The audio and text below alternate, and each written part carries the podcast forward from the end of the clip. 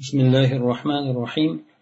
الحمد لله رب العالمين. الصلاة والسلام على أشرف الأنبياء والمرسلين نبينا محمد وعلى آله وصحبه أجمعين. أما بعد معاملات معاصرة كتاب دان بوليك كان درس مزدا ربا حق دا موضوع كتاب كان دا بو نوبة تيجي درس مزيسا وشربات الله رجال قدر بوكان مسألة حق دا بو aqdi sarfdir. Ya'ni pulni kelib to'xtagan joyimiz demak pulni pulga almashtirishlik. Valyuta deb qo'yiladi. Valyuta almashtirishlik yoki bo'lmasa buni tarifi shuki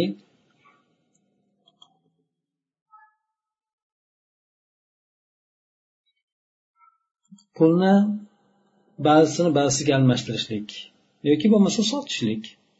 pulni pulga sotishlik yoki pulni pulga almashtirishlik ikkalasi ham bo'laveradi buni arab tilida sarf deyiladi o'sha bilan ishlovchi kimsani esa sarrof deyiladi bu yerda pul bilan والمراد بالنقود الذهب والفضة وما يقوم مقامهما كالنقود الورقية والمعدنية حكمه وشروطه الصرف جائز إذا توفرت شروطه ولا يخلو من من حالين الحالة الأولى أن تكون النقود من جنس واحد كريالات سعودية بريالات سعودية فيشترط شرطان الأول التساوي والثاني التقابض قبل التفرق.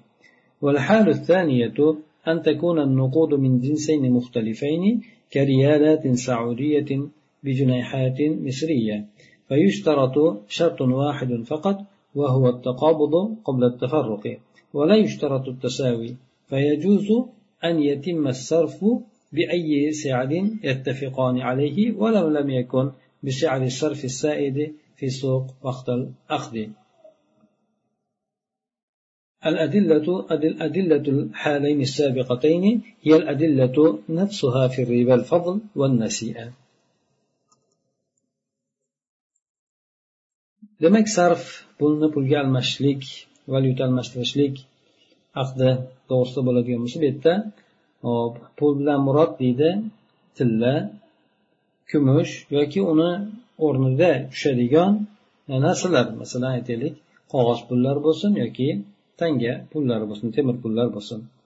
Mana shularni bir biriga almashlik e, hukmi borasida endi. Bularni hukmi e, agar shartlari to'liq bo'ladigan bo'lsa joiz deydi. Pulni pulga almashishlik mumkin agar shartlari topiladigan bo'lsa. Bu holat esa ikki holatdan nariga o'tmaydi. Ikki xil holatdan birisi bo'ladi. Birinchi holatda almashiladigan pullar bir jinsdan bo'lishligi.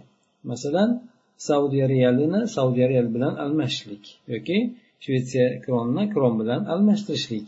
Masalan ming kronni bo'lib masalan yuzlik yoki yigirma kronlik qilib nima qilishlik? Almashishlik yoki bo'lmasa mayda bo'lgan kronlarni ikkita katta yirik bo'lgan pulga almashishlik. Bu yerda ikkita shart shart qilinadi.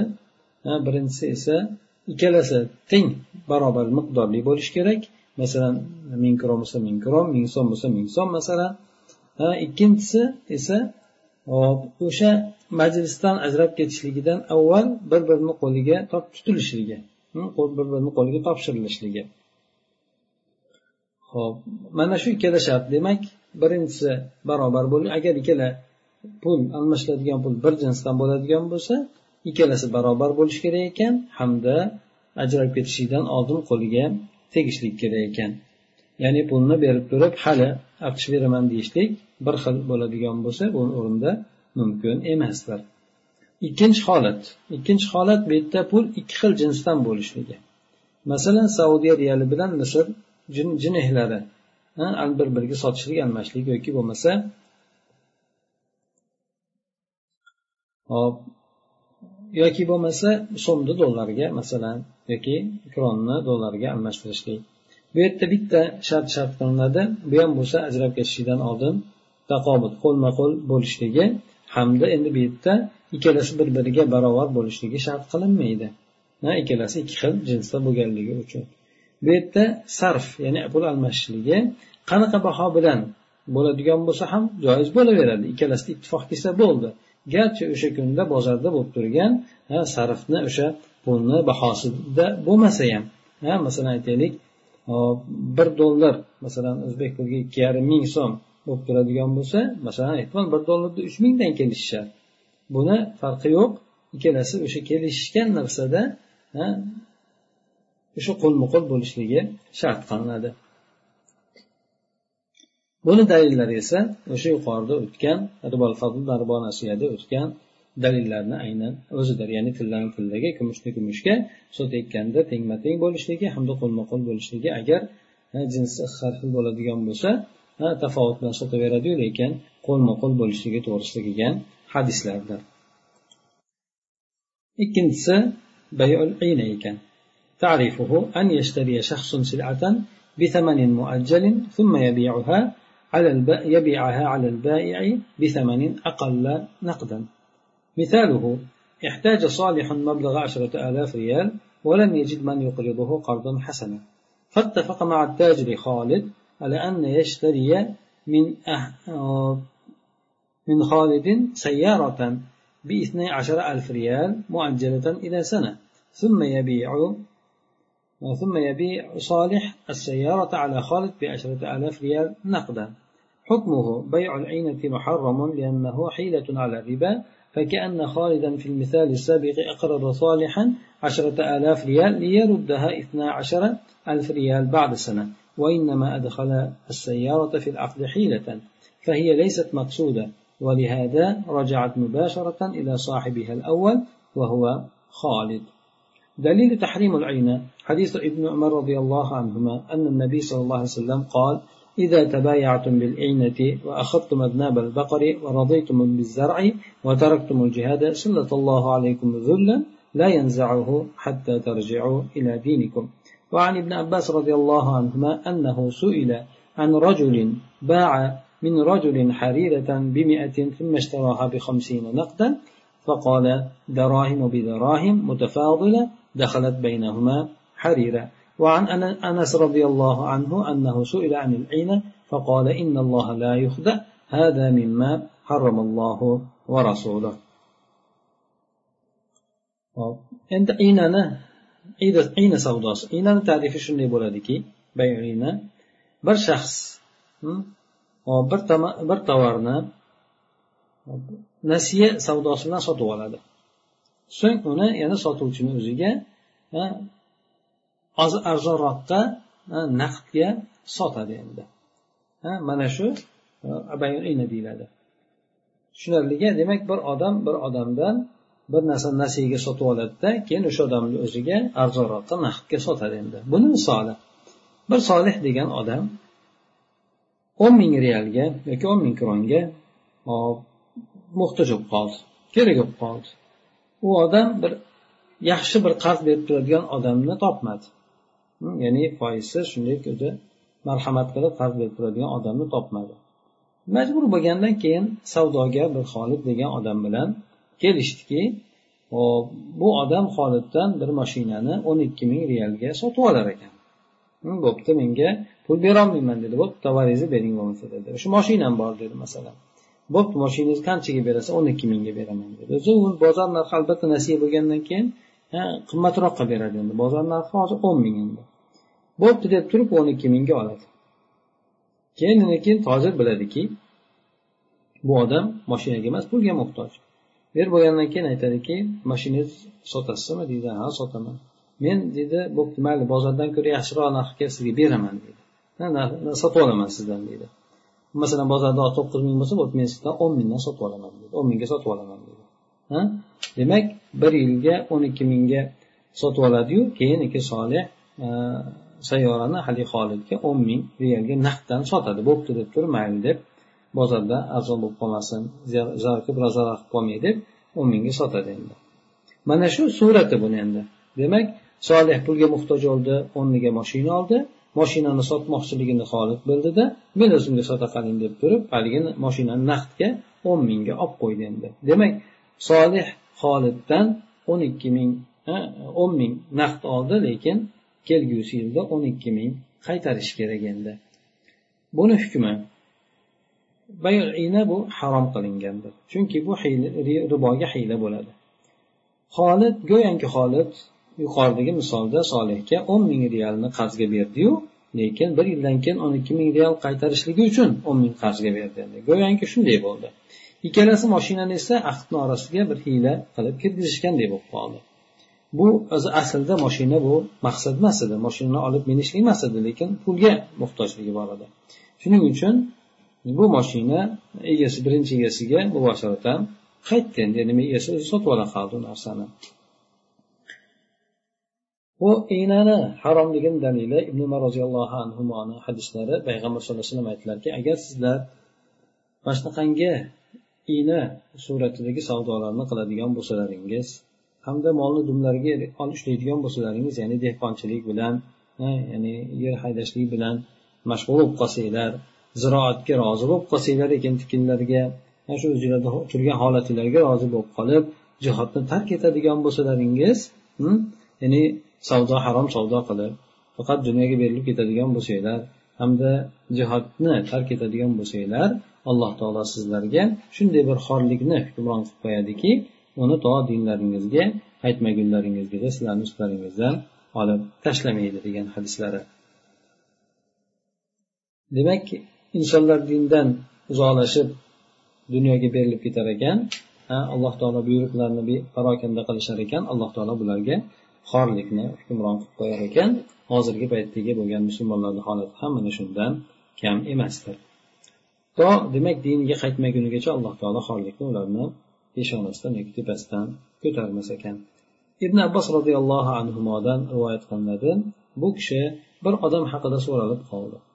Bu odam bir odamdan yuz kron yuz e, tangiga tangaga ipak sotib olgan ekan. So'ng u sotgan odam undan yana naqdga ellikka sotib olgan ekan endi. Yarim puliga naqdga sotib olibdi keyin birinchi sotib turib keyin o'zi naqdga yarim puliga sotib olibdi endi. Mana shunaqa odam haqida yana shu bo'laveradimi shunday qilsa deb so'raganda ibn abbos aytgan ekanlarki dirham dirham bilan bir biriga farqli bo'libdi bu yerda. Dirham dirham bilan tafovut bilan almashibdi. Orasiga esa ipak kirib qolibdi bularni degan ekan. Ya'ni birov xuddi go'yoki ellik naqd ellik tanga berib turib yuz tanga qilib berasiz degandek bo'lib qolgan. O'rtadagi ipak esa bu maqsad emas balki uni o'rtaga hiylatan kirgizgan deb aytgan ekanlar.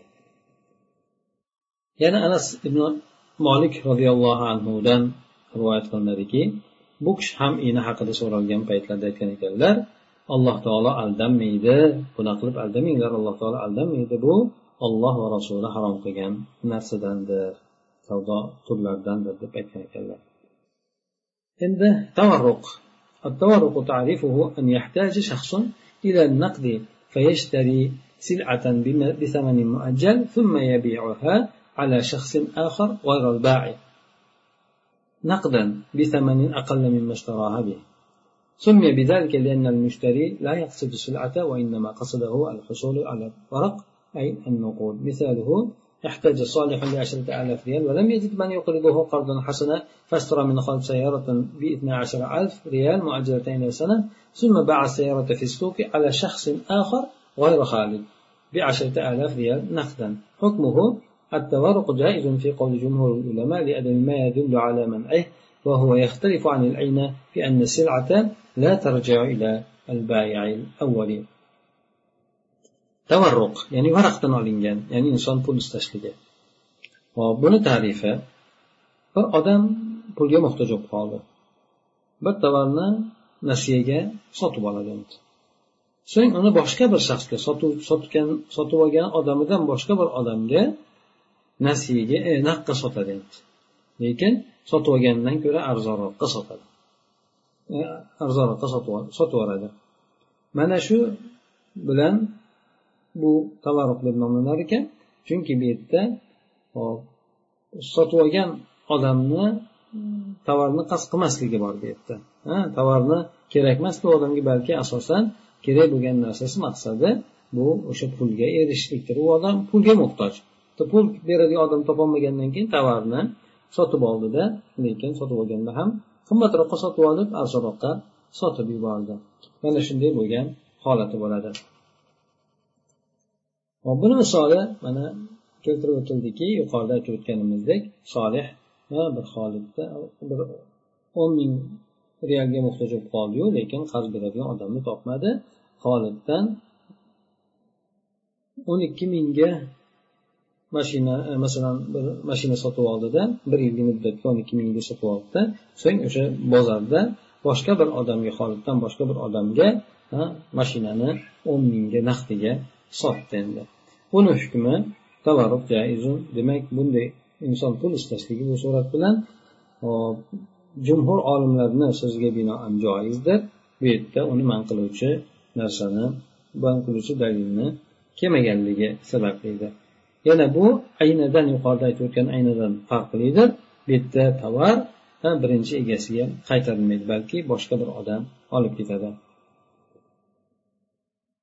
Hop agar endi sotib sotib olgan narxidan ko'ra qimmatroqqa sotadigan bo'lsa bunda igna bo'lmaydi. Masalan bir odam birovdan mashinani sotib oldi. O'n ikki mingga sotib oldi? Lekin bozor ko'tarilib ketdi. Bu odam pulga muhtojligi bor edi. Endi bu odam o'zini narxiga sotsa o'n ikki mingga sotsa? Yoki o'n ikki yarim ming o'n uch mingga sotadigan bo'lsa bunda igna deyilmaydi iynada arzonroqqa sotishligi u odamni yana bo'lib ham o'sha tovarni egasiga o'ziga qaytadan sotishligi bo'ladi القرض تعريفه القرض في اللغة القطع وفي الشرع دفع مال إرفاقا لمن ينتفع به ويرد بدله العلاقة بين الدين والقرض الدين أعم من القرض لأن الدين يشمل كل ما يثبت في ذمة الإنسان فقد يكون بسبب اقتراض مال أو بشراء سلعة بثمن مؤجل أو بإتلاف مال يوجب تعويضا أو بجناية على آدمي توجب دية حكمه القرض مباح للمقترض ومستحب للمقرض. الأدلة على جواز الاقتراض. من الكتاب قوله تعالى يا أيها الذين آمنوا إذا تداينتم بدين إلى أجل مسمى فاكتبوه. وهذه الآية عامة في كل الديون منها ومنها القرض qarz buni tarifi lug'aviy ma'nosi buni kesishlik degani qarz degani narsani qiyishlik degan ma'nosi bo'ladi shariatdagi ma'nosi esa inson bir foydalanadigan odamga mehri kelib foydalanib unini shu badalini qaytaradigan odamga mehri kelib bir molni berishligi bo'ladi. Bir odamga mehri kelib rahmi kelib o'sha foydalanadigan uni o'zini qaytaradigan badanini qaytaradigan bir molni berishligini qarz deyiladi endi. Bu yerda dayn bilan qarzni o'rtasidagi aloqa dayn dayn deganimiz bu qarzdan ko'ra umumiyroq daynni ham qarz deyiladi lekin bu dayn kalimasi qarzdan ko'ra umumiyroq ma'noga egadir chunki dang bu yerda insonni zimmasida sobit bo'ladigan hamma narsani o'z ichiga oladi. Bu sobit bo'lgan narsa insonda bir molni qarz olishligi sababli bo'lishi mumkin yoki bo'lmasa nasiyaga bir tovarni sotib olishligi bilan bo'lishi mumkin uni zimmasiga qarz bo'lib qoladi baribir. Yoki bo'lmasa bir molni bironta narsani talofat etkazib qo'yganda uni to'lab berishlik kerak bu odamni zimmasiga qarz bo'lib tushadi. Yoki bo'lmasa bir odamga jinoyat qilganki bu odamga endi diya to'lab berishligi kerak bo'ladi. Ya'ni bu ham unisiga qarz bo'lib tushadi. Shukrmi aslida qarz qarz so'raydigan odam uchun muboh lekin qarz beradigan odam uchun mustahab bo'ladi ajrli bo'ladi. Buni qarz berishlikni qarz olishlikni joizligiga dalil. Qur'ondan alloh taolo aytadiki ey iymon keltirgan kimsalar agar sizlar bironta bir qarzni qarz qiladigan bo'ladigan bo'lsanglar uni qarz qilib ko'taradigan bo'lsanglar bir muayyan bir muddatga qarz qilib ko'taradigan bo'lsanglar uni yozib qo'yinglar dedi. Demak oralarida bir birlariga qarz bo'ladigan bo'lsa yozib qo'yinglar dedi. Bu yerdagi buyruq vojiblikni emas buni e, sunnatlikni ifoda qiladi deydi sababi payg'ambar sallallohu alayhi vasallam bir gal qarz olganlarda yozmaganlar. Mana bu oyat kalima duyun butun duyun borasida ham umum kelyapti buni ichidan haligi aytadigan qarz mana shu duyunni ichiga kiradi duyun ham o'zi o'zbekchaga aytganimizda qarz deb aytiladi lekin kengroq ma'nodagi bo'lgan qarzdir ومن السنة ما روى أبو رافع رضي الله عنه أن رسول الله صلى الله عليه وسلم استسلف من رجل بكرا فقدمت عليه إبل من الإبل صدقة فأمر بها أبا رافع أن يقضي الرجل بكره. فرجع إليه أبو رافع فقال لم أجد فيها إلا خيارا رباعيا. فقال أعطيه إياه أعطيه إياه. إن خير خيار الناس أحسنهم قضاء. وأجمع المسلمون على جواز الاقتراض لمن كان عازما على السداد. الأدلة على استحباب الإقراض من الكتاب قوله تعالى من ذا الذي يقرض الله قرضا حسنا فيضاعفه له أضعافا كثيرة. فسمى سبحانه أعمال البر قرضا لأن المحسن بذلها ليأخذ عوضها فأشبه من أقرض شيئا ليأخذ عوضه. ومن السنة ما روى أبو هريرة رضي الله عنه عن النبي صلى الله عليه وسلم قال من نفس عن مؤمن كربة من كرب الدنيا نفس الله عنه كربة من كرب يوم القيامة. ومن يسر على معسر يسر الله عليه في الدنيا والآخرة. ومن ستر مسلما ستره الله في الدنيا والآخرة. والله في عون العبد ما كان للعبد في عون أخيه. سنة بقين دليل أبو رافع رضي الله عنه نحل سلالة Payg'ambar sallallohu alayhi vasallam bir odamdan bir tuyachlimik tuyani qarzga olgan ekan keyin payg'ambar alayhi vasallamga sadaqa tuyalaridan zakot kelgan tuyalardan bir tuya kelib qolibdi endi keyin payg'ambar alayhisalom o'sha qarzga olgan narsasini o'zi qo'shishlikni xohlagan. Abu rofiyga o'sha odamni payg'ambar alayhissalom musulmonlar uchun olgan qarz olgan bu tuyasini to'lab berishlikni o'tab qo'yishlikni buyuradida keyin abu rofi esa payg'ambar o'sha borib tuyalarni qarab payg'ambar alayhisalomni oldiga qaytib keladida men u yerda siz aytganni topmadim balki ruboiga ana shu to'rt yoshlik bo'lgan tuyani topdim. E, uch yoshlik bo'lgan tuyani topolmadim ya'ni yaxshirog'ini topdim uni o'sha o'ziga barobar bo'lganini topmadim dedi. Payg'ambar sallallohu alayhi vasallam aytdilarki odamga bo'pti uni yuboraver bo'lmasa bu odamga. Chunki odamlarni eng yaxshisi odamlarni chiroyli suratda qarzini ado etadiganidir deb qo'shib qo'ydilar. Musulmonlar esa to'lashga qasd qilgan odamga qarz olishlikni qarz ko'tarishlikni joiz ekanligiga ijmo qilishgan deydi albatta qarz olayotgan odam demak o'sha narsani to'lashlik maqsadi bo'lishlik kerak.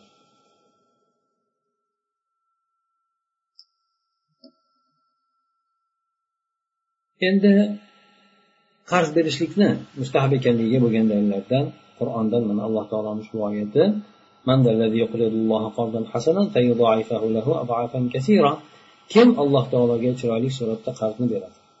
Ya'ni qarz berishligi mehribonlik suratidan u odamni hojati ko'tarilsin deb undan oshcha narsani qilib hech qanaqangi manfaatni talab qilmagan holatda o'sha qarz berishlik bo'ladi. Kim shunday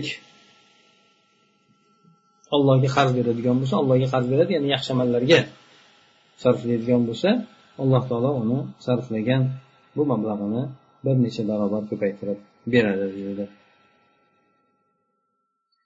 Bu yerda alloh subhanava taolo yaxshilik ishlarini qarz deb nomladi. Chunki bu yerda o'xshatma borki yaxshilik qilayotgan odam o'sha qilayotgan yaxshilik ishlarini uni evazini ajrini olishlik uchun sarflaydi. Beradi. Bu yerda u odam go'yoki uni evazini olishlik uchun bu narsani berayotgan qarz berayotgan odamga o'xshab qoladi albatta olloh bu odam bir ishni qiladigan bo'lsa ollohni zimmasiga odamga beradi qarz berishligi kerak bo'lib qarzni to'lashligi kerak bo'lib qoladi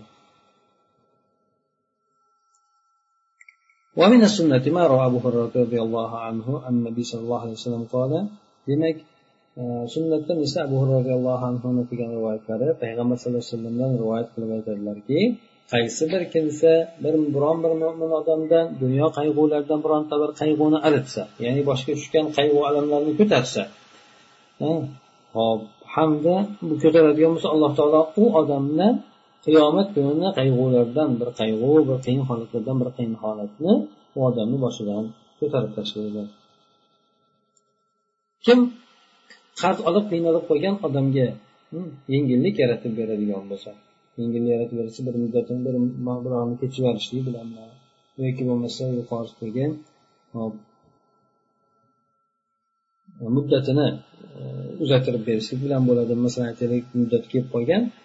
Masalan uch oyga olgan hozir muddat kelib qoldi. Yana uch oyga cho'zib berishi bilanmi xullas kalom mana shunaqa yo'llar bilan u odamga yengillik yaratib beradigan bo'lsa alloh taolo u odamga dunyoda ham qiyomatda ham oxiratda ham yengillik yaratib beradi. Demak ikki barobar ajr berar ekan alloh taolo. Ham dunyoda ham oxiratda. Qaysi bir odam bir musulmon odamni qilayotgan aybi asnosida satr qiladigan bo'lsa hammaga oshkor qilmasdan alloh taolo u odamni dunyo oxiratda satr qiladi. Boshqalarga uni gunohini bildirmaydi. Alloh taolo o'zini qo'yindagina u odamni hisob kitob qiladi yana hadis davomida keladiki alloh taolo bandani yordamida bo'ladi bandaga yordamchi bo'ladi modomiki banda birodariga yordamchi bo'lsa birodarni ishi bilan yuradigan bo'lsa alloh taolo uni ishini bajarib beradi deb aytgan ekan تجارته طمعا في الربح الحاصل منه كان إقراضه مباحا حيث إنه لم يشتمل على تنفيذ كربة ليكون مطلوبا شرعا bir odam foyda hosil qilishlik hosil qiladigan foydani umidida tijorat qiladigan bo'lsa bir odamga nasiyaga bir narsani sotadigan bo'lsa masalan uch oyga yoki bir yilga bitta mashinani sotdiyu boshqani qildi. Bu odam bunday holatda qarz qilishligi u odamni muboh sanaladi chunki bu yerda bu qilayotgan ishi u odamni qayg'usini aritishlik hisoblanmaydi endi bu yerda. Toinki bu shar'an talab qilinadigan amal bo'lishligi uchun albatta u odam o'sha bir nimani boshiga musibat tushgan odamni musibatini ko'tarishlikni o'z ichiga olmadigini qilayotgan amali. Balki u odam asosan o'shandan keladigan foydani o'ylaganda. Mana shu yerda bunday nasiyaga savdo qilishligi muboh bo'ladi. Ajr bo'lishligi uchun esa bu odam bu odamga yengillik yaratib berishligi kerak bo'ladi. لا يجوز للإنسان أن يقترض إلا إذا كان نيته من نيته الوفاء وعليه ألا يتوسع في الاقتراض وهو غير محتاج لذلك. فعن أبي هريرة رضي الله عنه أن النبي صلى الله عليه وسلم قال من أخذ أموال الناس يريد أداءها أدى الله عنه ومن أخذ يريد إتلافها أتلفها الله أتلفه الله. ويجب عليه أن يرد القرض عند حلول أجله وتحرم عليه المماطلة إذا كان قادرا على الوفاء. قال عليه الصلاة والسلام متن الغني ظلم. hop endi qarz ko'tarishlikdan qo'rqitishlik qarzdor bo'lib qolishlikdan qo'rqitishlik inson agar niyatida vafo qilishlik ado etishlik bo'ladigan bo'lsa qarz olishligi mumkin bo'ladi. Ya'ni qarzni to'layman degan niyatda qarz olishligi joiz mumkin bo'laveradi insonga. Endi bunday holatda u odam qarz olishlikda kengayib ketmaslik kerak. Ko'p o'zida hojatdan ko'ra ko'proq qarz olmaslik kerak. O'shaning uchun muhtoj emasdan turib turib. Mana abu roziyallohu anhuni rivoyatida keladiki payg'ambar sallallohu alayhi vasallam aytgan ekanlar kimki odamlarni mollarini uni ado etishlik maqsadida oladigan bo'lsa